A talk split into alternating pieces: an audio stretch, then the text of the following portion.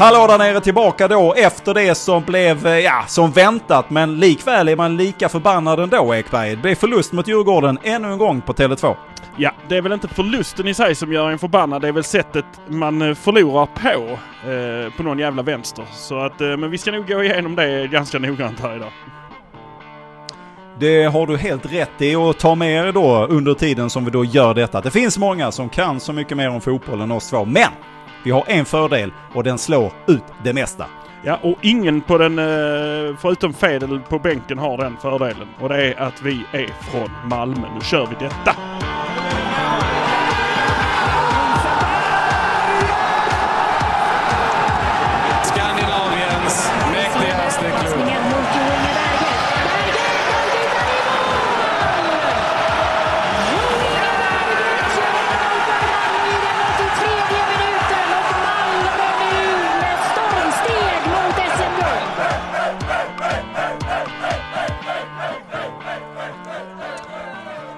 Som väntat blev det då förlust mot Djurgården på Tele2. Det kunde vi räkna ut på förhand, mer eller mindre.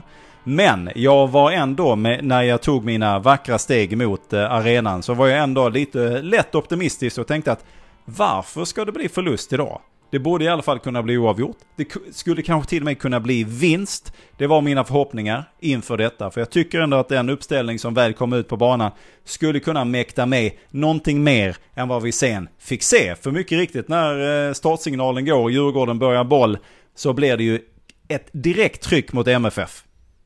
Ja, men det har vi ju sett innan. Det, det är ju lite grann eh, man... Lite som att man vill rida ut de första tio minuterna om man inte är liksom i, i fullt överläge. Och de andra lagen vet ju att får de in första målet så kan de ju bara backa hem. Men eh, jag var inte så övertygad som dig när den här startuppställningen kom. Jag... Eh, jag, jag, ja, jag eh, är, var ytterst tveksam till, eh, till att Rex ska starta den här matchen. Eh, på så många... På Ja, så varför, varför, varför gör han det tror Ja, du? jag kan inte begripa vad det är eh, Rydström håller på med där. Alltså, detta liknar liksom samma som jag var inne på förra säsongens eh, slutskede, ska man inte säga, men slutskede för Milos där han ställer en 11 på plan som egentligen är den som man kanske skulle byta in sen, där han sparar på de bästa spelarna för att kunna byta in dem. Men hamnar man i underläge så spelar det fan ingen roll om man har bra spelare att byta in där i det. Alltså det, det känns som ett så jävla bakvänt tänk och jag vet inte vad Rex, alltså dels är det ju den här jävla konstgräsplanen och eh, dels, så- jag, jag vet inte. Man flyttar ner honom centralt och sen så ut med Nanasi och sen så Ali över på högersidan. Jag kan inte begripa. Ali ska vara på vänstersidan nu när inte Vecchia är där, för där är han som bäst. Nanasi ska vara centralt, för där är han som bäst. Och då har vi liksom Seydou, vi har Jörgensen. Alltså det, det finns folk att sätta där ute. Man behöver inte ta in Rex på en konstgräsplan som vi vet är sjukt dryg. Alltså jag, jag nej. Och jag skrev ner 25 minuten. Det var första gången jag såg, alltså det, jag reagerade när jag såg startelvan, sen så började jag titta på matchen ju. Men 25 minuten var första gången jag såg att Rex gjorde någonting. Och i 26 så bara slår han bort bollen också. Nej, han var feltajmad, eh, helt fel på det. Jag, jag begriper inte varför han, Och samma mot Mjällby, han startar med en jättekonstig startelva. Jag kan inte, jag, jag vet inte vad det är han, jag, jag, jag började tappa det lite grann där på Rydström.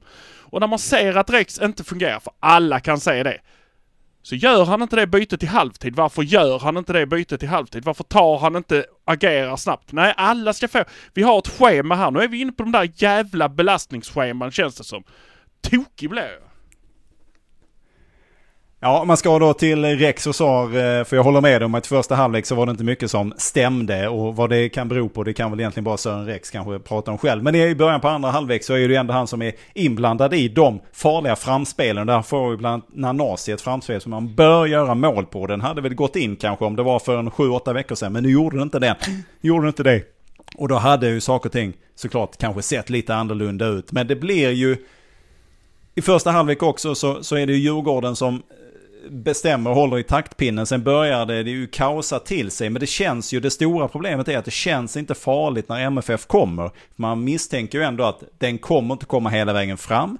Eller så kommer man att missa på ett eller annat sätt. Så att det blir aldrig farligt när de kommer in då i målområdet. Om de ens kommer dit. Och vi kan ju prata, ska vi ta fasta situationer igen här nu? Nu gjorde jag så här, ska vara transparens, transparent ska vi prata om nu. Att jag hoppade över presskonferensen med Rydström. För jag var så rädd för att missa spelare i spelargången. För där pågår det då intervjuer parallellt. Och, och då hade jag missat Isak till exempel för att jag hade suttit kvar på presskonferensen här. Så jag fick inte in min fråga om eh, fasta situationer. Men den kommer att komma för nu är det hög tid att börja fundera på varför är Malmö så extremt dåliga. Och det handlar inte om frisparkar bara eller hörnor utan det är tutti balutti så är det oerhört dålig utdelning på allting som har med offensiva frisparkar och hörnor att göra. Det, det man, man, går ju, man kan ju gå och kissa, det är ju ingenting. Man, man, man förväntar sig ju ingenting. Och det är ju också varenda gång. De slås för långt, de slås... De, de, de hamnar ju aldrig i närheten av MFF-spelare. Ja men det är, ju där, det är ju där problemet sitter. Problemet sitter inte i vad de gör inne i boxen. För det är folk som kan ta hand om bollen inne i boxen. Både på frisparkar och det. Men vi såg det igår också. Inläggen som kommer från, alltså vi har jättebra fötter i det här laget. Alltså vi har fruktansvärt bra fötter på Busanello, Peña. Alltså alla kan slå passar extremt bra. Men inte en jävel kan lägga ett inlägg som inte går för långt eller för kort eller för hårt eller för högt eller eh, bara helt fel. Alltså inga inlägg, inga, alltså hörnorna är helt värdelöst slagna. Kan inte någon jävel, men av det jag har sett, jag har sagt det innan, jag är inte så jävla duktig på att titta på träningar och förstå vad det är de gör. Jag ser aldrig att de övar det. Aldrig! Jag ser aldrig att de slår, att de har uttalade spelare som står och slår och nöter och nöter och nöter. För det måste ju vara det det handlar om. Det måste vara, hur duktig du än är så måste du börja hitta att där ska jag lägga. Titta på damerna. Damerna slår, ta mig fan eh, hörnorna exakt på samma ställe varenda jävla gång. Varenda gång, oavsett vem av dem. De har tre stycken typ, fyra som gör, slår hörnorna. De slår dem på exakt samma ställe och det blir mål varannan gång typ. För att där är det bara, där står ju de som kan det där. Nu har vi Pontus Jansson, det är ju en, han är två mil lång, stor som ett jävla hus. Hans eh, vader är ju lika stora som Otto Rosengrens bröstkorg. Alltså, han kan stå och bara, om de bara prickar hans jävla huvud så är det ju mål. Men det, de prickar ju ingenting. De, alltså det är ju man skäms när man ser hur de slår de här hörnorna. Man skäms när de slår frisparkar. Och igår skämdes jag ta mig fan när de slog inläggen också. Den som slog bäst inlägg igår, det var Ceesay och det kom ändå folk i vägen. Men det säger ju någonting. Jag vet ju vad du tycker om hans inlägg. Ja, det är, det är ju att, att ja, jag tycker, jag håller kanske inte riktigt med det. Jag tycker nog ändå att Busanello, även om han inte hade sin bästa inte dag, absolut inte, inte igår. så gjorde han det, han gjorde, det, han gjorde det ändå bättre än vad Ceesay gjorde. För Ceesay fastnade överallt hela tiden. Vi kan prata om det som hände, för han gick ut sen. Och det ska jag bara sticka in och säga att Eh, han, han, han, eh, han linkade ut ganska tidigt eh, i då, eh, den mixade zonen där, men det, det var in, han var inte sugen på att ta frågor om vi säger så där. Så att jag har inte hört något mer om vad som hände där. Om det var huvudet eller någonting. Vi stod och diskuterade lite där, vi som stod där, vad, vad som egentligen hände. För det är lite svårt att avgöra. Men under tiden som han var med och spelade så, ja, jo, det, jag har hört att det är folk som tycker att han gjorde en bra insats. Men ja, det är ju det här, lite som vi såg i början. Han har haft en period där han faktiskt fått in sina inlägg.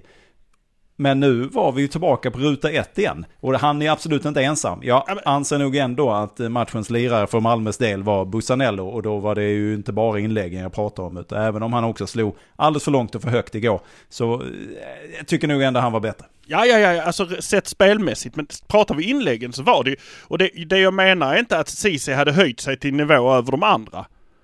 Ceesay spelar precis som han brukar. Det var de andra som var helt kass.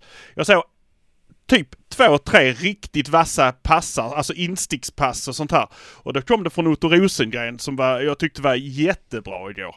Uh, verkligen. Uh, Penja ska vi inte snacka om. Vad, vad höll han på med?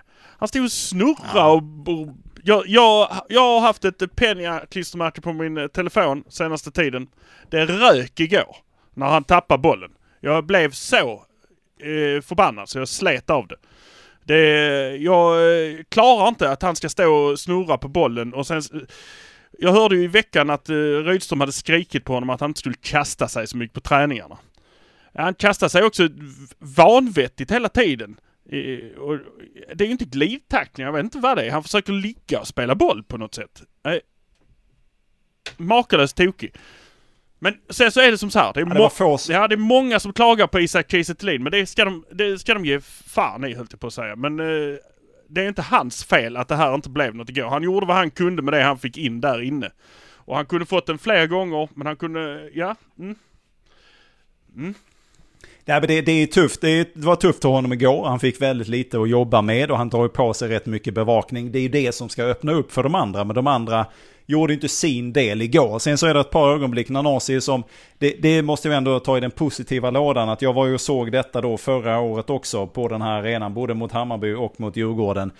Och här fick man ju då ett verkligt kvitto på hur mycket Nanasi har växt sen förra våren. För det var häftigt att se. Då var han en som kändes lite, han kom hela tiden lite på kanten och det var väldigt lätt att få bort honom och manövrera ut honom. Nu dominerade han, var ju en av, han var, om den inte den bästa, så var han en av de absolut bästa på planen igår, inkluderat båda lagen. Och det är häftigt att se. Men däremot så är det ett par lägen, och jag förstår att det är lätt för mig att sitta på läktaren och titta ut och säga att oh, så borde han gjort. Och i stunden är det jäkligt svårt. Men han har två lägen där han bör leverera bollen till Isak, men han inte gör det. Ett där han går själv och ett där han passar helt åt skogen. Ja, där han la den De bakåt till ingen. ha, hade, Ja. Precis, båda de, båda de hade kunnat generera två mål. Det är jag helt, för hade Isak fått det i de lägena och det inte hade varit offside så hade de suttit båda två. Isak har väl något litet läge där den går precis utanför men det är just att det är lite för dålig fart på bollen och så vidare och så vidare. Ja, men, Men eh, Nanasi var men- ju men outstanding. säga- Men, men, men. Jag, jag, ska bara, jag ska bara flika in innan jag blir klar här. Att det som generellt är just nu med Malmö FF, det är detaljarbetet. Det är ju det här lilla sista som har suttit här, som satt under våren. Och då kanske det också var en del tur inblandat som gjorde att det satt, det vet jag inte. Men det vi såg då, de första 3, 4, 5, 6, 7 matcherna, det ser vi väldigt lite av just nu. Och det var samma sak mot Mjällby, att de här passarna, de går inte fram längre. Den studsar inte på samma sätt som den gjorde. För att även om den studsade lite snett i våras, ja men då studsade den ändå på ett sånt sätt att det var en MFF-spelare som var i närheten och kunde fånga upp den. Och sen kunde man sätta fart igen. Och det handlar väl också om att man kanske inte riktigt tar de löpningarna på samma sätt. Man springer inte lika mycket, man är inte lika ihärdig i sin press. Man kanske har blivit lite, lite bekväma lätt för mig att säga. Men det är lite så det känns när man ser det. För att det kan inte bara vara ren och skär tur att bollen studsar på ett eller annat sätt. Utan det måste också ha en effekt. Att gör du någonting så får du ett resultat av det. Då handlar det om att då har de inte sprungit lika mycket. De har inte varit lika nära. De har inte varit lika runt omkring eller lika kompakta. Eller gjort det där jobbet för varandra som de måste göra för att det spelet ska hålla igång. Och det kanske man bara kan göra en viss utsträckning tills man sen börjar bli helt slut och färdig. Jag hoppas i alla fall att MFF kan göra det under en säsong. Titta på Klopp och Liverpool som har spelat ett sånt spel som MFF vill göra och har gjort fast då på en lite lägre nivå kanske. Det tog också slut till stopp. Eh, det tog också stopp till slut. För att kroppen inte orkar. Men jag eh, tänker väl ändå att MFF bör kunna bena ut under en hel säsong i alla fall. Ja, men jag, eh, först och främst skulle jag vilja säga det där med att eh, hur, hur mycket jag än ogillar att säga det. Jag brukar ju säga att Johan Dahlin och eh, Diawara är två av Sveriges eh, kanske fyra, fem bästa målvakter. Och eh, Widell Zetterström är en av de andra. Han är jätteduktig. Han är eh, en ung, förbannat duktig målvakt. Så att eh, det, är, det är lika mycket han som gör ett jättebra jobb som att Nanasi och eh, Isak Kiese missar sina chanser. Det, det, måste, det, det, måste man ge dem. Alltså eh, måste man ge honom. Så enkelt är det. Eh, det finns någon till, Ricardo Friedrich i, i eh, Kalmar som också är där uppe på den nivån. Som nu var avstängd och därför förlorade de eh, förra matchen också. Men just det du säger med att de inte springer. Jag, alltså jag vet inte. Jag, kan, jag har en sån skarp uh, önskan om att uh, det här transferfönstret bara kan stänga nu. Kan det bara stänga nu? Så att spelare som inte har lämnat och som det surras om. En spelare som Nanasi. Det finns andra spelare som man kanske bara vill, vill ska kunna landa i att vad deras framtid kommer vara. Alltså var, var kommer det vara och var kommer vi vara någonstans? Så att de kan liksom fullt fokusera ut på det. Det är lite grann som Hugo Larsson i våras. Det var mycket surr om honom där i början och sen så tog han beslutet själv liksom att nej, jag stannar kvar. Och sen blev han ju jättemycket bättre för att han har liksom en klar bild av att det här är det jag är och det är här jag är och gör. Det är Busanello, eh, har man hört vår intervju på Patreon med honom eh, så förstår man att han har bestämt sig för att han är kvar hela detta året. Eh, och jag tror längre, men i alla fall. Detta året är han 100 000 procent klar. Därför spelar han fortfarande lika bra som han har gjort hela tiden. För han har inget, alltså det finns inget tvivel i hans huvud att, oh jag måste. Klart nya spelare kommer in och de vill också visa. Men jag tycker inte de gör, alltså jag tycker inte Otto Rosengren gör något fel. Jag tycker inte Pontus Jansson gör något direkt fel heller. Eh, alltså, sen är han kanske lite matchotränad och lite dålig i tajmingen. Men det är inte, inställningsmässigt är han inte fel på det. Och det är inte Otto heller. Men jag kan ju se vissa andra som, alltså där man, eh, det de inte gjorde, alltså när ingenting var på, på bordet. När inga, när inga deals var på bordet, när ingen, när ingen framtid stod på spel. Så gjorde de bättre och andra prestationer än vad de gör nu. Så stäng, ta in det vi behöver då. Ta in en jävla Ghoddos och ta in, han är ju på väg, eh, norrmannen Berg eh, Jonsson, Jonsson, Johansson, Johansson, LBJ. Ja, ja. Han är ju liksom inne.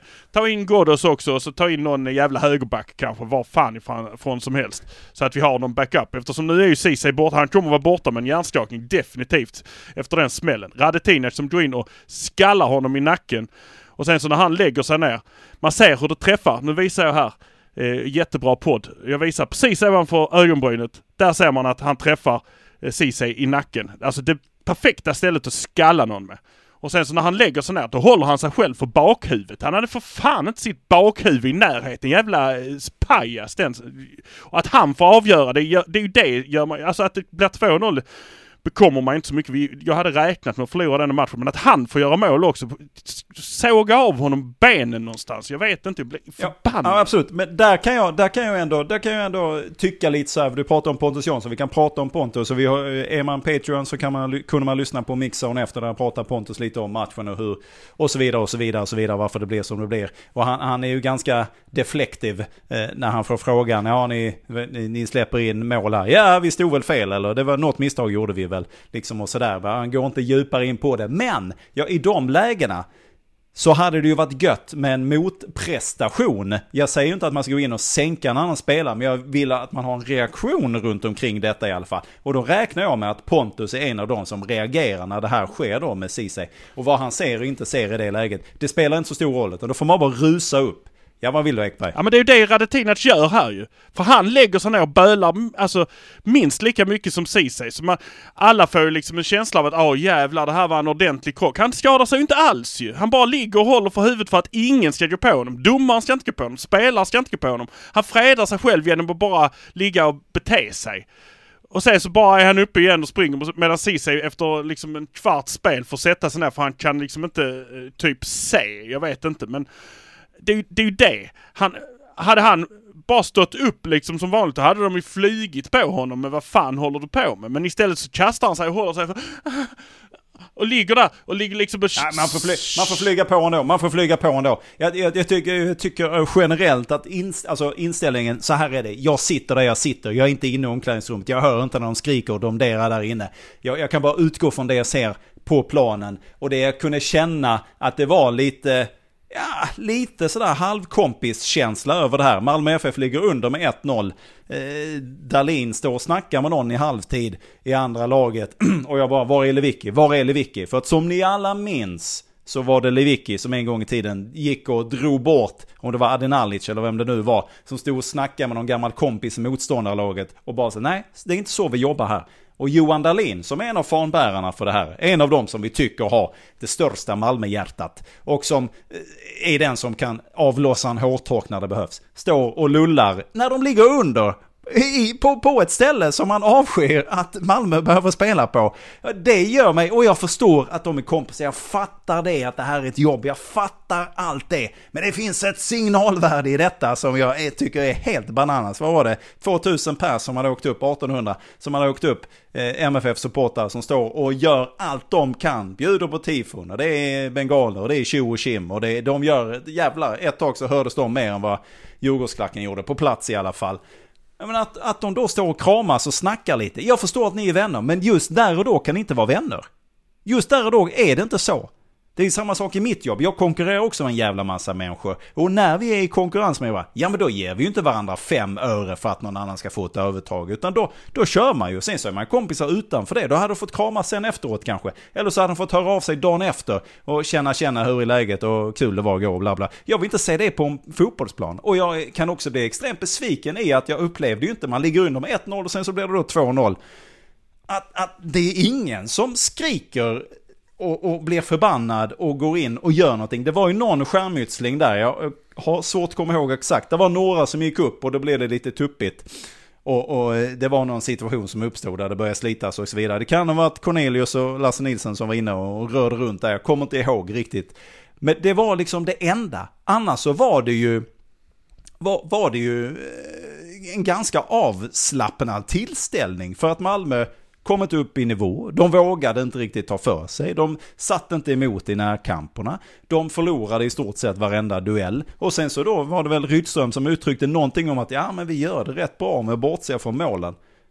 Ja men Djurgården har ingen anledning att stressa på och ligga på. De leder med 1-0, sen leder de med 2-0. De har ingen anledning. Det är väl klart att det kan se bra ut om MFF då har 60%, 66% av bollinnehavet och passar dubbelt så mycket och en hög passningsprecision och skjuter och så vidare. Men när det inte genererar någonting, då finns det ju ingen anledning för Djurgården att ta ut sig och hålla på och springa och, och sätta, sätta emot. De, de kan ju, ja, passa på ni. Vi tar bollen sen. Passar ni, gör ni er grej så tar vi den sen. Det är liksom som Harlem Globetrotters förutom att man då, de är ju, vad heter de? Washington Generals, motståndarlaget. De får vara med lite och leka men de vinner ju aldrig. Nej, nej, nej jag, jag, jag köper uh, verkligen det du säger. Jag, uh, i de här intervjuerna efter tyckte jag det, det, det mest oroande jag hörde i dem, du som den ära gjorde, uh, var ju att Isak Kiese och, och Nanasi sa att eh, ja vi släppte ju in två enkla mål. Vi borde kanske varit bättre i... Eh, Isak sa väl vi borde varit bättre i boxarna. Vi släppte in för enkelt och vi fick inte till det fram. Han var lite så, ja vi fick inte till det riktigt. Och när, vi, när Pontus Jansson pratade om det så sa han, ja vi var väl för dåliga i boxarna, vi hade väl lite otur där bak, men de borde gjort något mål. Alltså det, det, känns nästan som det börjar bli en, en, en tuppafight mellan anfallet och försvaret. Att vems fel var det här att vi förlorar? Det var ta mig fan allas fel. Men jag, jag är ändå lite inne på det här är samma som, det här var inte en Mjällby-match. Uh, det här var snarare Elfsborgs-matchen. Malmö spelar okej. Okay. Men det räcker inte. Det räcker inte på Tele2 borta och spela okej. Okay. Det räcker inte mot Elfsborg borta och spela okej. Okay. Eh, det hade räckt mot Mjällby men då spelade de uselt. så att det, det är liksom... Eh, det är den här. Ja men det, det var okej. Okay. Men jag, jag hoppas nu bara att de kan bouncea tillbaka mot, mot ett helt värdelöst AIK som jublar efter 2-1 mot Varberg borta. Alltså, mm. det, det... Ja, och då hade Varberg en utvisad också. Det var väl så att det nästan fanns bud på att det skulle bli oavgjort i den matchen. Och då vet jag inte vad eh, aik hade gjort. Men det, så är det ju. Så fort tar de en poäng så är de ju svenska mästare. Och de är ju till och med världsmästare. Det är ju, det är ju liksom England i, i, i allsvenskan. Att eh, England är alltid bäst oavsett väder eller vind. Men och det stör mig lite grann för jag stod där i efterhand och snackade med en del av spelarna då och hade också en inspelning med Johan Dahlin som blev, som tyvärr ljudmässigt inte höll. Jag vet inte vad som hände där men det blev, han, han blev lite obehaglig. Jag har inte samma fina puffskydd som du har när du är ute och, och grejer. Jag har ju ett fräsigt puffskydd som ska funka i väder och vind. Så, och jag stoppar ju alltid den längst fram för att jag vill ha bäst ljud. De andra som står där och har sina telefoner, de ska ju, det är ju mest skrivande journalister så de vill ju bara ha så att de hör vad de säger. Jag behöver ett så krispigt ljud för våra lyssnare som möjligt. Så att jag kör den så långt fram jag kan och Johan Dahlin, oh, oh, vad är detta? Oh, oh. Och så, ja men ljudet måste in. Ja, men jag vill ju inte äta upp micken. Nej, nej, nej, nej, men prata lite högre, sa jag då. För det var precis det jag, och, alltså, och det stör mig att det inte var lite tuffare i det här. Nu hade vi ändå inte fått något bra ljud på detta, eftersom det gick som det gick. Men jag, jag är lite besviken på mig själv, att jag hör inte honom. Jag såg inte honom skrika. Jag, jag ser honom mer bara bli lite uppgiven när de släpper in de här målen. Uh, uh, uh. Varför är han ute och, och läser lusen av vem det nu är som har gjort misstag? Det är inte jag bra nog att se vem det är som missar det. Det är ju knappt att Pontus Jansson kunde, kunde Det är Otto Rosengren faktiskt. honom. Att, Det är Otto Rosengren som inte tar hemlöpningen där. Men det är för att han är orutinerad. Så att det får man, men då skulle Penja gjort den hemrusningen istället. Det, är, det ligger på dem. Det är där de, de blev en man mer och det är för att det saknas en mittfältare som tar hemjobbet. Som tar och springer hem den biten. Så blir han fri där inne. Det sa ju Pontus Jansson också. Ja, där blev ju en fri. Det är ju det som gör att det blir mål. Ja men varför blev det så? Ja det, det vet ju inte jag. Jag har ju inte sett situationen igen. Men antagligen har vi ju gjort fel. Eftersom det blir en gubbe fri. Han är ju fri. Något är fel. Eh, han vill ju inte stå och hänga ut sin lille påg där. Som han har tagit till sig, Otto Rosengren. Så att, men... Nej men såklart. Och jag, jag kan, då, visst jag kan förstå att Johan Dahlin då inte tar till värsta Lion King-rösten i det läget. Och, och Eller? skäller. Eller, nej men det, jag, kan, jag kan ändå förstå det för att uh, Otto Rosengren kom också ut och han, han lät, han lät så, han, det var nästan så att ljudet gick inåt när han pratade. För han var så tystlåten och så försiktig så att jag försökte fånga det, det lyckades jag inte fånga för det, det gick liksom inte in. Eh, så att, men men han, var, han var så otroligt besviken. Och det är härligt, och det är, inte hans, det är inte han som ska leverera, det är inte han som ska... Han är i en position, tycker jag, där Nanasi var förra året. Att det finns ett löfte om att det kan bli någonting, men han behöver den här säsongen på att då kunna få den utväxling som vi verkligen då har sett att Nanasi har fått här sen förra, förra året. Och jag tyckte han Men gjorde det jag, jättebra. jag är ändå, jag, jag vet Ja, jag, jag tyckte väl att han var lite valpig och sådär. Men det var, jag jämförde mycket med Nanasi förra året. Eh, och det, det, då såg man, visst här finns det kvaliteter och så vidare. Men det är fortfarande lite för tunt. Han behöver kanske lite, lite tuffare tag helt enkelt. Och jag tänkte väl en, han är uppvuxen i Mjällby. Han är väl van vid att det ruffas och gruffas. Men det känns som han var lite, lite försiktig i det här sammanhanget. Men jag kan också förstå att man, man vill inte att det ska bli fel i det här läget. Eh, och ett fel kostar mer i MFF än vad det kanske kostar i Mjällby. För Mjällby, så länge de bara håller sig från kvalet så är man väl nöjd och superglad. Förlorar man guldet till Malmö, ja men då är det mer eller mindre en misslyckad säsong. Så även i år, inte minst i år med det läget, alltså med den truppen och allt det här upplägget. Att inget, inget jävla Europaspel, ingenting. Det är bara de här matcherna en gång, en till en och en halv gång i veckan som man ska köra. Så då, då, då blir misstagen dyra. Men jag saknade, jag saknade faktiskt någon som bara ah, rev ifrån igår. Och jag kan ändå känna att Pontus Jansson, absolut jättebra. Han har en extremt lugnande effekt och han, han vet när han ska driva på, han vet när han ska hålla tillbaka. Han sa ju själv i den här intervjun då också att det är ju en omställning för honom. De har ju spelat ett spel i Brentford, nu kommer han hem till ett lag som spelar ett helt annat spel och som också har helt andra förväntningar. För att Brentford är väl då, jag ska inte säga att det är Premier Leagues Mjällby, men det är inte långt därifrån. Det är lite same same. Ja, och, och i, i, de här samman, i de här sammanhangen är det ju full fart framåt, in med bollen och håll käft bakåt. Och det är det funkar inte. Så jag kan ändå vara lite att inte någon bara sätter ner foten och ryter ifrån. Sen har jag ingen aning vad de säger i omklädningsrummet. Där kanske allting har kommit och de vill inte säga för mycket i media och så vidare och så vidare. För då blir det massa skriverier och så blir det dålig stämning. Bla bla bla, prutt prutt prutt prutt. prutt. Men! Som supporter och som då en person som följer detta så vill jag ändå se lite äh, vad i helvete, vi kan liksom inte bara räkna, att vi ska räkna med att vi ska förlora den här matchen och sätta in det. De kan inte sätta in det i sitt schema. Vi åker upp till Stockholm och sen så eh, blir det en eh, en förlust där och så åker vi hem. De måste ju gå in som om de vill vinna varenda match och kan vinna varenda match. För det kan de ju för att truppen och spelet finns där ju. Det är bara att det inte det är den sista uspen och den sista kanske desperationen kanske saknas också. Ja men det är Det ska ju för fan, när de kliv, när de, vänta, när de, när de, när de, när de spelar matchen, det ska ju vara de sista 40 minuterna på en Bruce Springsteen-konsert. Det ska vara! Ah! Man ska liksom, alltså stadion ska rivas. Det är liksom det. Det är där när, när Springsteen kör igång Twist and Shout, det är då sprickan uppstår i Ullevi. Det är då man börjar bli orolig för att shit, hela den här delen av arenan kommer att kollapsa. Det är det jag vill ha, det är det jag vill se. Ah! Det vill jag höra och det vill jag se och det såg jag fan mig ingenting av igår. Ja, det var väldigt lite gå för strupen igår. Eh, sista kvarten, sista 20, sista 50, sista 40. Jag vet inte vilka sista man ska säga men det var väldigt lite killerinstinkt på dem på något sätt. Eh, det var lite grann och då, då kom de ju till lägen när de gav sig fan på att den här bollen ska vi ha tillbaka. Alltså det, det var några lägen där i andra halvlek där eh, bland annat då när Nanasi liksom de tappar bort bollen och han tar tillbaka den. Alltså på ren jävla vilja så springer han fram och bara tar bolljäveln och kommer i läge. Och det, det är ju det man saknar. Jag, jag kommer ihåg någon sekvens från de första matcherna, om det var mot Kalmar eller Norrköping, där, där Vecchia, Nanasi och eh, någon mer springer liksom i full fart alla tre och den ene tappar bollen. Då tar liksom nästa bara över bollen och sen så tappar han bollen och så tar nästa över bollen och passar fram den igen och så de liksom växel, liksom bara... Mm, Åh! framåt, döda liksom. Nu ska man gå runt hela backlinjen. Det tar ju... Alltså det här med att byta kant. Det är ju för fan en halvårshistoria för det här laget just nu. Det, alltså det, det går ju inte. Ja, men, och det, det, känner vi, det känner vi definitivt igen från förra året också. För det var, så höll Exakt. man på lika mycket då. Och det är just den här speeden. För att nu har vi också hamnat lite i det som vi kunde säga förra året. Och jag vet att folk tycker att vi kan inte jämföra med förra året. Nej, det kan vi inte på Jo. totalen. Men bitvis kan vi. Bitvis kan vi.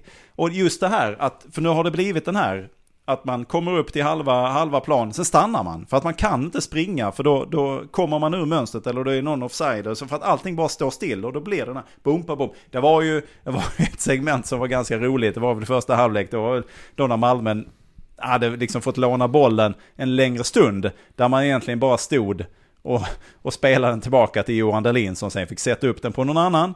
Och sen så bollar man den eh, sidleds och sen så blev det tillbaka till Johan Dahlin och publiken bara buar, buar, buar. Det är som den här scenen hos Simpsons där det är två olika kommentatorer som kommenterar fotboll. Eh, och då, där man då ser den amerikanska kommentatorn som bara, han passar till höger, han passar till vänster och han passar tillbaka. Han passar till höger, han passar till vänster, han passar tillbaka. Så klipper man över då till en eh, latin eh, latininspirerade kommentatorn som bara Han passar till höger och han passar till vänster och han passar tillbaka. Det är helt olika energier i detta som gör det ganska. Men så, precis så var det, han passar tillbaka. Och, och publiken bara buar, buar, buar. Och det var ju ganska roligt. Och i det läget tror jag nästan det stod 0-0. Så att det, det hade väl varit gött. Ja, det, jag hade varit supernöjd med 0-0 igår där. Men så som det utvecklar sig så har man, det är vid två, ett par tillfällen där, framförallt i andra halvlek spelar man upp sig lite grann i början av halvleken. Sen är det precis som det bedarrar också. Sen så börjar då bytesfesten. Vi kan väl prata om bytena för jag håller helt med dig. Att vad är det som gör att vi ska testa allting ytterligare några minuter i andra halvlek? Varför inte bara, det gjorde man ju i början, vill jag minnas i alla fall. Man kunde göra de här bytena ganska tight på, eller ganska rakt på. Nu kör vi de här, in med de här två, in med de här tre. Och så pang, kör vi det. Och jag eh, älskar Sören Rex över mycket, mycket annat här i världen. Och jag kan tycka att den positionen som han spelade på igår, ah, det har funkat mer eller mindre bra. I vissa fall har det funkat bra, andra icke så bra. Men att Jörgensen, som sen kommer in som en skottspole, precis en injektion så som man vill ha den. Sen vet jag inte hur mycket rätt han gör, men jag hade ju hellre haft det från start igår. Ja, alltså. Ja, det, det är ju inte bara liksom att det är Rex som är fel utan eh, alltså att han sätts in och sätts i den positionen han gör, gör att många fler positioner blir fel som jag sa. Ali borde varit ute till vänster. Precis. Eh, Jörgensen skulle varit ute till höger och Nanasi ska vara i mitten. Han ska vara den här, han ska vara den nya AC. Han ska vara spelmotorn där som liksom tar det framåt på något sätt och som hela tiden kan sticka ut till vänster, sticka till höger, sticka mitt i. Alltså man ska inte veta var man har honom någonstans. Nu isolerar de honom ut till vänster och sen så Rex gjorde inte, han hinner inte med riktigt. Så, alltså, och, eh, Nej. Alltså och det- Ali det- ute ja, på högerkanten, inte- han gjorde väl en eller två sådana här där han bara, där han bara går förbi alla. Men han kommer fel på det när han gör det ute på högerkanten. Det är inte hans, det är liksom inte hans kant. Tyvärr är det inte hans kant. Så att det, det tar liksom ett stopp där nere. Man, de driver liksom ut honom mot kanten. Det är samma som eh, vad heter det, Rydström säger om Radetinac, att han får ta ett steg in och skjuta. Istället för att de puttar ut honom och det inte blir någonting av det. Eh, Djurgården lyckades putta ut eh, Ali så långt ut det gick mot linjen. Sen så blev det liksom för lång väg för honom in. Och eh, Nanasi bara blockar man där ute hela tiden, även om han försökte ta sig in lite grann. Men nej, eh, det, det, det, var- de behövde inte, liksom så, de kunde släppa Rex i mitten. Så hans position där, och det är samma, vi satt ju och pratade om det innan Mjällby-matchen, vem ska spela var? Och det är någon annan Sirius-matchen också. Jag blev jätteförvånad över att man sätter Zidane ute till höger där i den. Eh, alltså, det, jag tycker inte Rydström har riktigt fått rätt på det där. Och jag vet inte varför han ska spela gamla, varför han inte bara kör. Varför kör han inte på de här nya spelarna? Eh, då får han byta, om de inte orkar 90 minuter så får han väl byta ut dem då efter 60 eller efter en halvlek och så får han sätta in det gamla gardet. Och, men då med förhoppningen att man har 2-3-0. Alltså, det är ju... Nej. Ja, nej men det, och jag, jag, jag kan bara tänka mig, jag har ju hört hur han eh, resonerar i diverse olika intervjuer, att han älskar att hålla på med de här laguppställningarna, älskar att hålla på och vrida och vända. Det gjorde väl Milos också, inga övriga jämförelser. Och det har väl ett team runt omkring sig som älskar att pilla och greja. Kan vi göra så här? Kan vi göra så här? Kan vi sätta den där? Kan vi få ut, vad får vi ut för effekt om vi gör si och så? Och jag tror att det finns ett tak någonstans tills att man börjar gå bort sig i sitt eget huvud. Eh, att, att nej, det, vi kan nog inte göra. Nu har vi nog vridit och vänt på allting. Och jag är själv en person som har ett stopp när man sitter och spånar. Okej, nu måste vi dra en gräns här. För, för sen, sen, till slut så börjar det bara gå om och om igen. Och då är man tillbaka där man börjar. Och det måste vara samma sak här. Och det finns ju någonting, jag vet inte om det också är den moderna fotbollstränaren, eller coachen, som, som det är, eh, ligger starkare hos att man måste vrida och vända och man måste för, eh, dels för kanske tillfredsställa sitt eget ego, dels för att utvecklas. Men någonstans är det, där är det truppen du har, det här är de, eh, det finns inte o, o, oändligt med variationer, utan det finns de variationer som finns, sen är det punkt. Sen får du bara leva med det. Men jag kan också tycka, vad fan, nu har du köpt de här spelarna, in med dem nu då. Låt dem spela nu då. Och sen har du har ju ett jäkla gäng på bänken här. Nu har det varit skador och skit där, det fattar jag också. Men... Ah! Lite mer stringens måste de, måste också våga tro att Sebastian Jörgensen har fan spelat fotboll hela sitt liv mer eller mindre. Han borde väl kunna bena ut även detta. Ja, men jag, jag, kan, jag kan verkligen inte begripa det. Jag kan, jag kan förstå en idé om att Pontus Jansson eh, har varit skadad och man vill ta det försiktigt så att man inte liksom knäcker honom. Men man startar honom ändå på grund av att man har andra backar som också är. Men där gör han ju rätt. I backlinjen gör han ju rätt nästan hela tiden. Alltså, tycker, eh, jag tycker det i alla fall. I backlinjen är han rätt på det hela tiden. Han sätter Pontus Jansson från början tillsammans med Moisander. Vi sätter alltså in en nyss kapten i Premier League med en kapten från både Premier League och eh, Bundesliga typ. Eh, Moisander. Alltså vi har två stycken riktiga klassspelare där. Och så har vi Busanello och så har vi Ceesay. Liksom som, som täcker upp. Ja, det finns inget fel i det. Han sätter ju också in både Cornelius och Lasse sen för, för att de inte har varit tränade. Hur i helvete kan han då inte börja med Jörgensen? Alltså, Va? Nej, och jag, jag, kan också ställa, ställa en liten fråga runt, vi diskuterade det på sms igår också, men say do. Vad ska, ja! Är han vad ska han göra? Vad fan ska den han, pågajävlen göra för att få starta? Va? Han, han, alltså, ja, men, jag, Rex är ju läget, sämre än honom. Ja, men i det här läget, och just eftersom du är inne på att det påverkar så många andra roller att sätta in Sören i det här läget. Och jag än en gång älskar Sören Rex. Men i det här läget, Patriot påverkar mindre i det, i det läget. Och han är en sån spelare som vi också behöver. En som kan vända upp och ner på, på planen. Och det har vi sagt så många gånger nu. Men att han har, gör det lite mer oväntat. Det finns spelare som, som, som man kan räkna ut förhand ungefär vad de ska göra. Så kan de lyckas med det i alla fall. Patriot, lite som Taha. De har lite samma konfiguration i huvudet. Att de kan, de kan vända på en femöring och springa åt ett helt annat håll och ändå ta sig hela vägen fram. Och, och, och, och det, det är Patriot också, hur han nu lyckas behålla det. Det verkar vara en oändlig tro på sig själv och ett självförtroende som aldrig sinar. För när han kommer in, ja men då händer det grejer. Sen så blir det inte alltid mål i 97 minuten när han har kommit in tre minuter tidigare. Så är det inte. Men hade han fått lite mer tid, hade han kunnat starta här istället. Så hade man kanske kunnat sätta in Sören eller vem, vem man nu vill, eller Zeidan, lite senare för, för att kunna väga upp det. Men jag, jag, jag har så svårt att fatta vad, det, hur han, vad han gör och inte gör på träningarna för att inte kunna få en möjlighet. Nej, och sen så skulle jag vilja, vilja liksom lägga till lite grann det här också. Eh, Djurgården håller ju på att bli, bli det nya Helsingborgs IF för Malmö FF.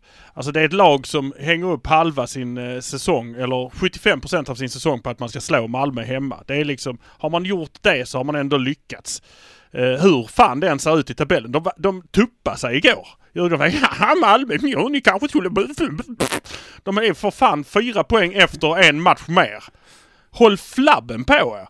Men det är det som inte, alltså jag tror inte Rydström och de andra fattar det, hur mycket den här matchen byggs upp i Stockholm. Detta är liksom den enda Djurgården har utsåld typ.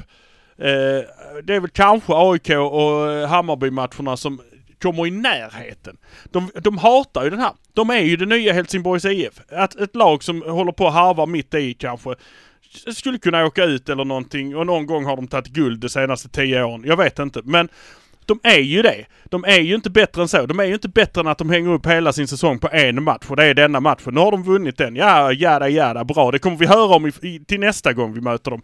Ja, vi vann i alla fall. Ni kan ju försöka ta en poäng på Tele2. Jävla skitkorvar helt enkelt.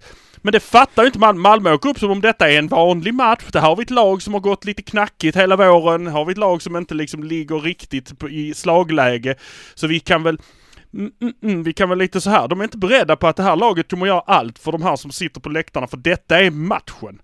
Detta är matchen. Vi måste börja fatta det att detta är matchen för dem.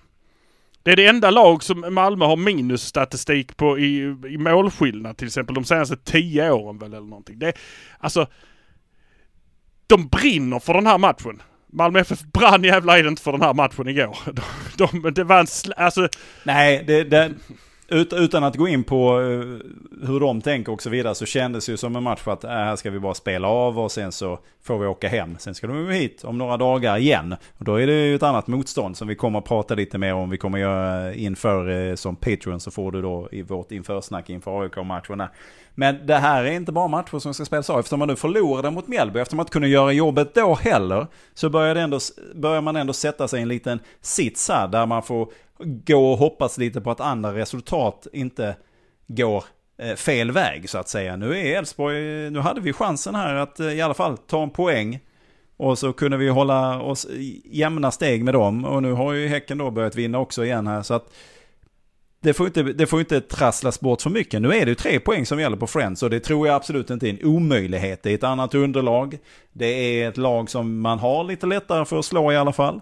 Och eh, nu har de ju kanske börjat gasa igång här efter sin jublande 2-1-seger mot Varberg. Där de också, Varberg hade väl någon utvisad också här. Så de är ju själaglada över detta. Men å andra sidan, Varberg slog ju då eh, IFK Göteborg.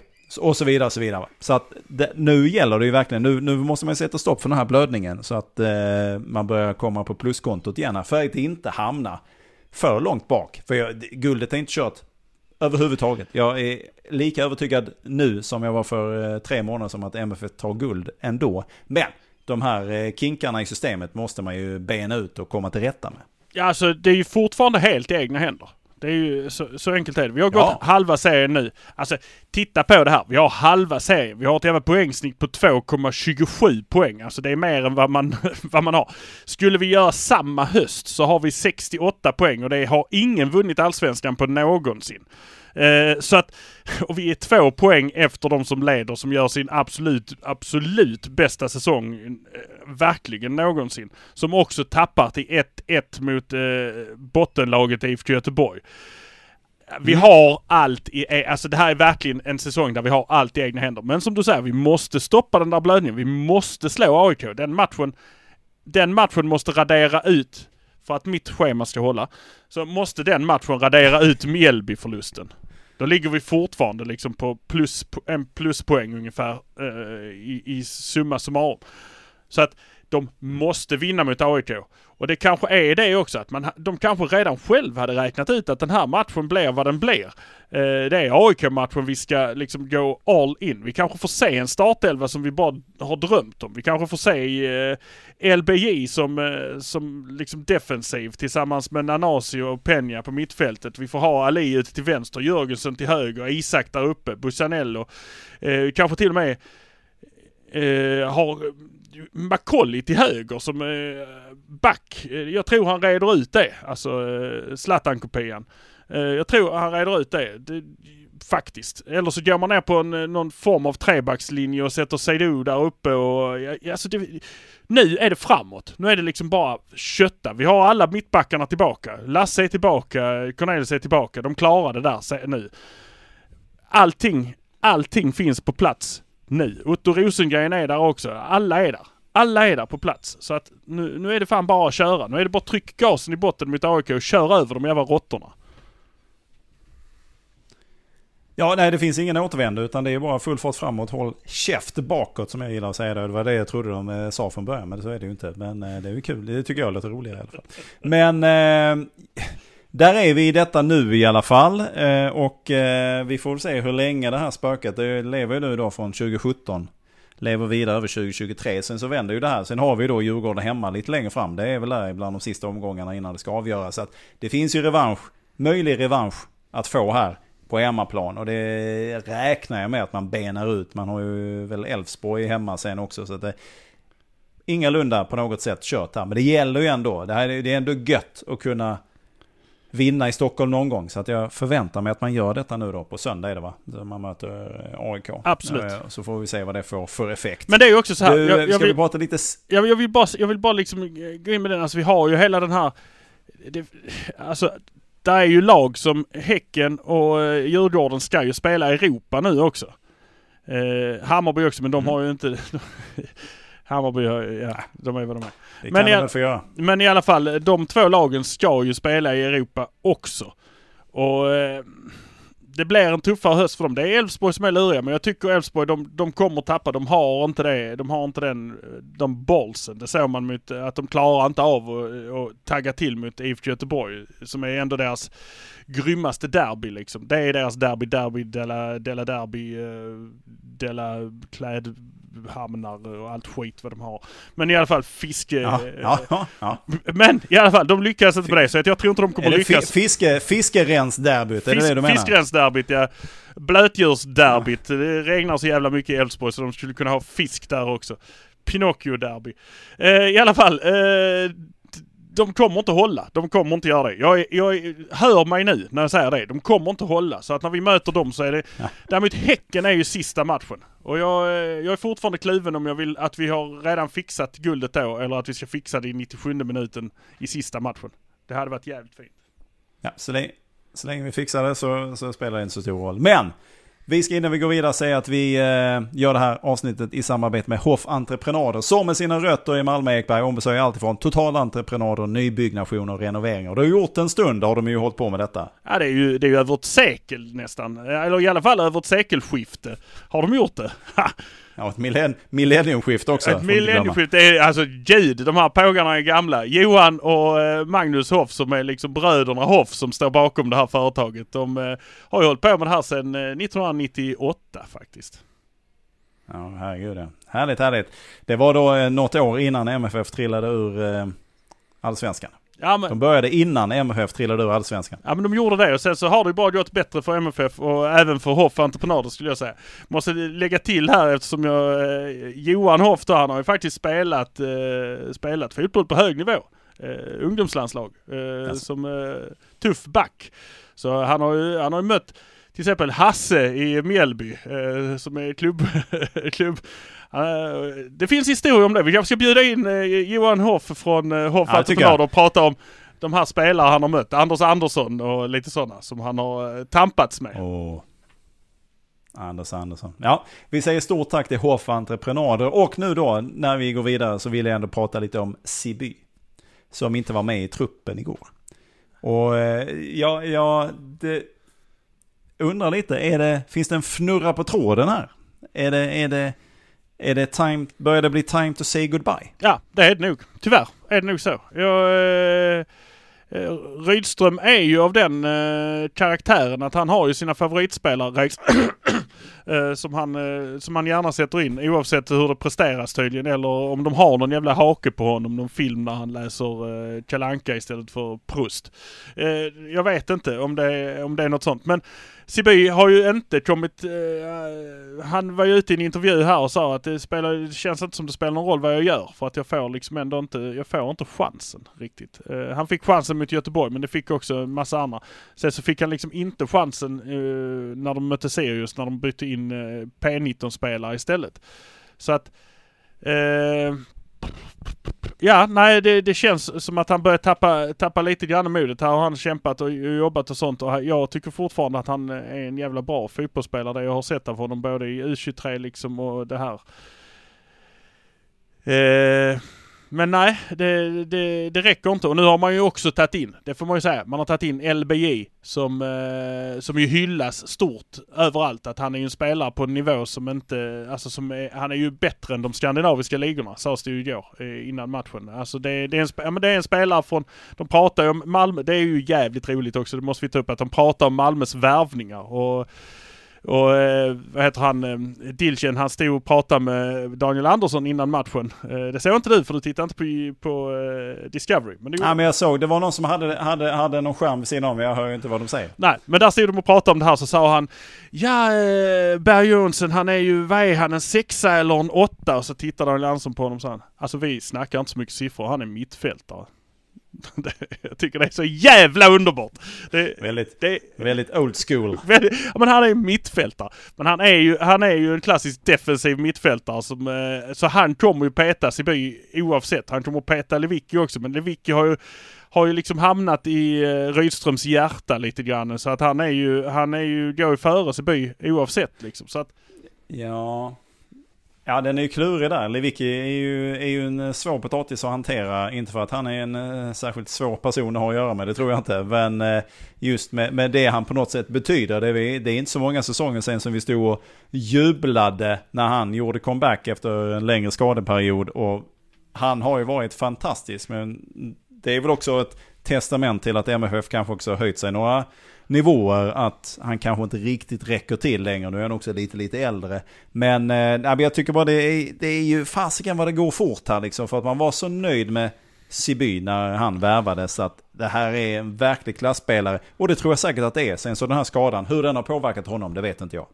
Men det är klart att den kanske har påverkat honom på något sätt som, som gör att han inte är riktigt densamma som han var då innan det. Det vet inte jag. Men man sa ju detsamma om Lomotey så att jag blir ju ändå lite sådär men, L men, lite lätt snett leende får jag ju när man pratar om att oh, fantastisk och Lomotey var en spelare som man inte trodde att man kunde värva och så vidare och så vidare.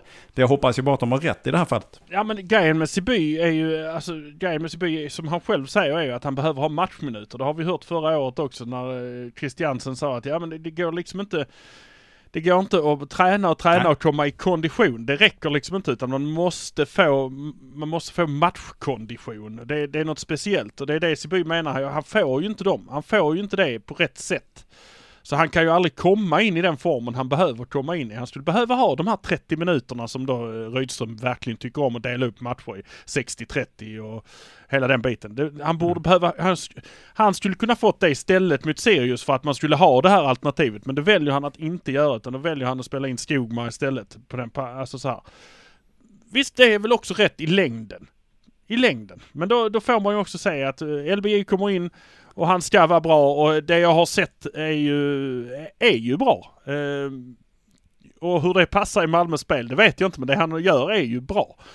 Eh, för det är ju lite djupledspassar och springande folk som kommer och tar bollen. Det är ju inte riktigt Malmös eh, melodi just nu. Men, men han kommer ju peta Seby och då är väl Seby kanske på väg bort. Och det är det jag säger. Stäng det här jävla fönstret så folk kan koncentrera sig på vad de ska göra. Om de ska vara med eller inte vara med. Eller, för de, kommer ju, de springer ju och tänker på det på träningarna. Det tänker ju Seydou på. Ska jag lämna för att få mer speltid? Sedan är ju i stort sett bortsnackad redan. Eh, Rex gör ju sin sista sväng liksom. Ska han försöka ta sig bort till något annat lag där han kanske får spela lite mer, kanske lite lägre nivå. Eh, alltså där han blir en hjälte istället på en lägre nivå. Alltså det finns många. Siby antar jag, alltså jag, jag antar att han tittar runt också för att se om finns det någon, någon bättre nivå för mig där jag får spela mer. De här spelarna börjar nu känna att jag vill spela mer. Så att, eh, ja. Nej, det blir en svår... Eh, vi får väl se var vi landar med detta här. Men det, det känns ju också trist att man gjort den här värvningen. Det var ju en del nu när eh, kvittot långsamt började trilla in här från förra sommaren. En del värvningar som man känner, oj då. Ja, det här blev ju inte alls vad man hade hoppats och trott på. Sen är det ju med Siby är det ju extremt speciella omständigheter i och med att den skadan som han ådrog sig. Han hade kanske blivit en, en mycket, mycket viktigare punkt i MFF spel under förra säsongen och det kanske hade sett till så att vi hade hamnat på en sjätte eller en femte plats istället, vad vet jag. Men det känns ju jäkligt sorgligt. Har han gjort en tävlingsmatch då egentligen för MFF i Allsvenskan? Är det, är det, är det, är det resultatet så här långt? eh, Om man bortser från den Nej, två och en halv. Två och en halv. i- Två och en halv har han spelat eh, tävlingsmatch. Två och en halv. Han gjorde två och sen så spelade han halva Sirius-matchen och sen landade han på höften.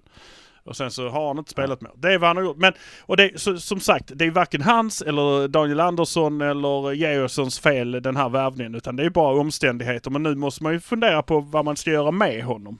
Det, det är ju det som är grejen nu. Och som du säger att det var ingen jävla anamma, det var ingen go på, på, liksom på bänken och sånt här. Han kanske hade behövts där, för det har man ju hört att han är en jävla spelare för att hålla uppe humöret och för att få liksom de andra Eh, han är ju Le General kallas han ju. Stor och viktig och eh, hörs mycket och tar mycket plats liksom. Och det, det är kanske en sån... Man kanske Ja, saknar men jag- ha honom på bänken har- helt enkelt. Ja men verkligen, ja, men han har ju verkligen visat sin enorma tacksamhet men också vem, vem han är på något sätt i och, och i kärleken som han känner då till eh, fotbollen såklart. Men Malmö verkar han ändå ha tagit till sitt hjärta och laget att vara en del av detta verkar han ju verkligen uppskatta.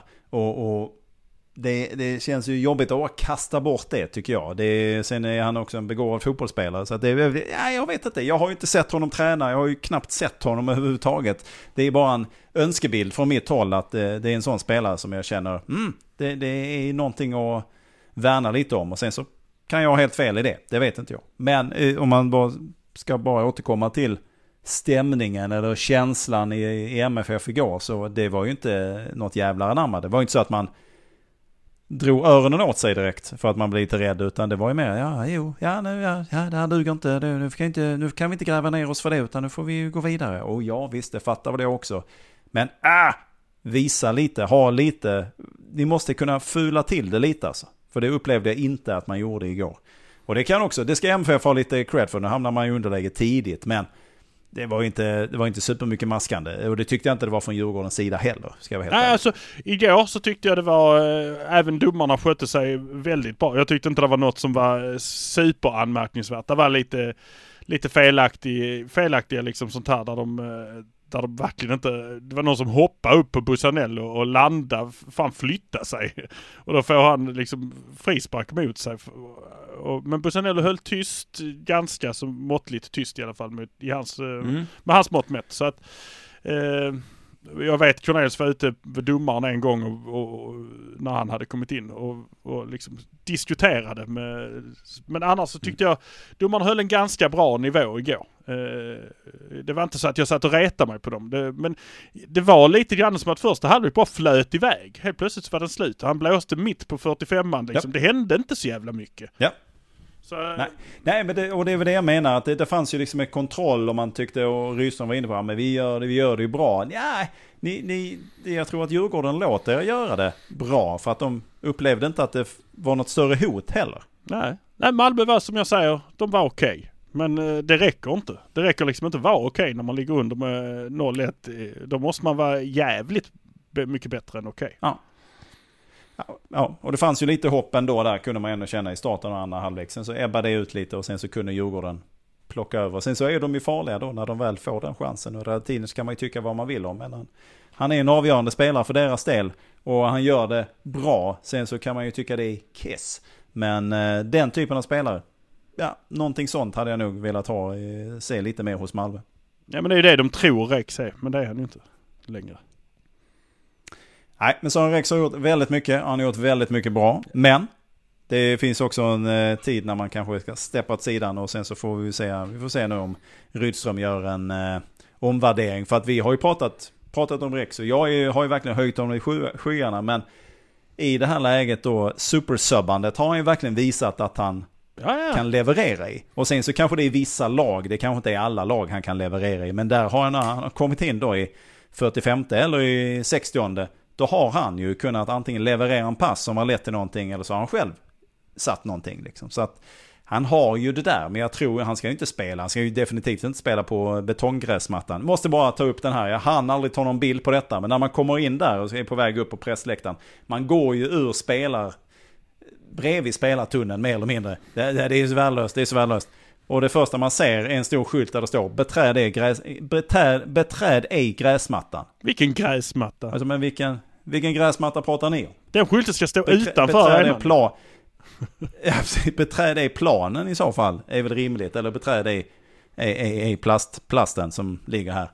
Och så vidare. Och så vidare. Nej, jag bara, det var en eh, oerhört värdelös anekdot. Men eh, det var roligt att de ändå... Roligt tyckte jag. Ja, du, du, du, fyra plus ger jag den. Jag ger den Fake fyra plus. news. Fake news. Fake news att de försöker sälja in det som gräs till stockholmarna. Det tycker jag, här borde de ta sitt ansvar. Skämmes, ta mig fasiken. Eh, vi ska väl ändå eh, ta ut en ryggtavla, har du en sån eller? Eh, ja, alltså jag går igenom laget lite snabbt här om det är någon som jag bara så här liksom, ja, men eh, får väl nog ändå ge den till eh, eh, ja det får nog vara Busanello som får den ändå. Alltså för, för, Tänk sitt, om vi hade satt Sören Rex här. Det hade varit en chock. för sitt defensiva arbete eh, får Busanello den. Eh, inte sina, inte sina ja, men det inlägg, han ha. men Han- han var inte sämre. Alltså, men de andra var ju lika dåliga. Så att, eh, Ja. Jag skulle, Nej, kunna, jag skulle kunna ju- sträcka mig till Otto är- Rosengren för att han gjorde några, han gjorde några, han la några passar som var extremt bra som inte förvaltades på rätt sätt. Men eh, Jag skulle, jag skulle säga att Otto Rosengrens pappa var närmare ryggtavlan eh, igår än vad Otto Rosengren var. Men visst, absolut. Han har ju han har en del i det mesta där. Men eh, Busanello köper jag alla dagar i veckan. Han är ju... Han är ju très très important skulle jag säga på franska då. Eftersom jag inte talar portugisiska.